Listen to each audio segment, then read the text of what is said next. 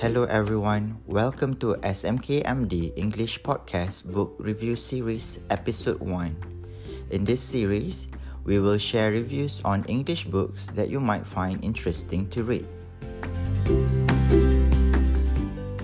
I am going to review a book titled Diary of a Wimpy Kid The Ugly Truth. This is the fifth book from the series Diary of a Wimpy Kid. This book is written by Jeff Kinney. This is a fiction comedy book in a style of a diary and comic.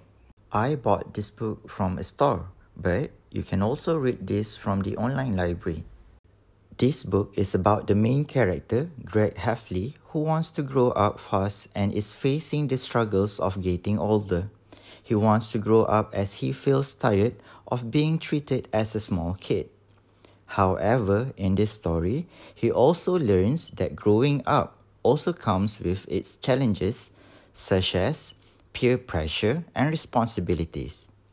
He also feels eager to get signs of being an adult, like pimples and facial hair, just like his best friend.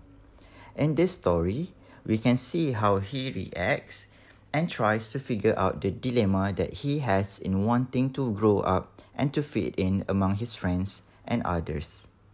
I enjoy reading about Greg he is my favorite character as his story reminds me of my life when I was just a school student. Although sometimes he makes stupid decisions, he learns something from it and improves himself to be better. Furthermore, having the book written in form of a diary entry, I feel connected to the character himself. I enjoy laughing at some of the funny scenes in the book. I personally don't dislike this book. Yes, some of the action taken by some of the character might be weird in a way, but I believe it also makes the story interesting. In this book, there are some English words that you can use. The first word is impression. I M P R E S S I O N. Impression. Impression means idea. For example, in the sentence, we need to give good first impression to others. The second word is chaperone. C H A P E R O N E. Chaperone. A chaperone is a person who looks after others.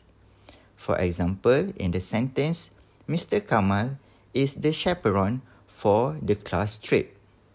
I think you should read this book because the language used is easy and the diary entry style can actually help you to use English language in daily communication. I would 100% recommend this book for students who are looking for light reading and comedy.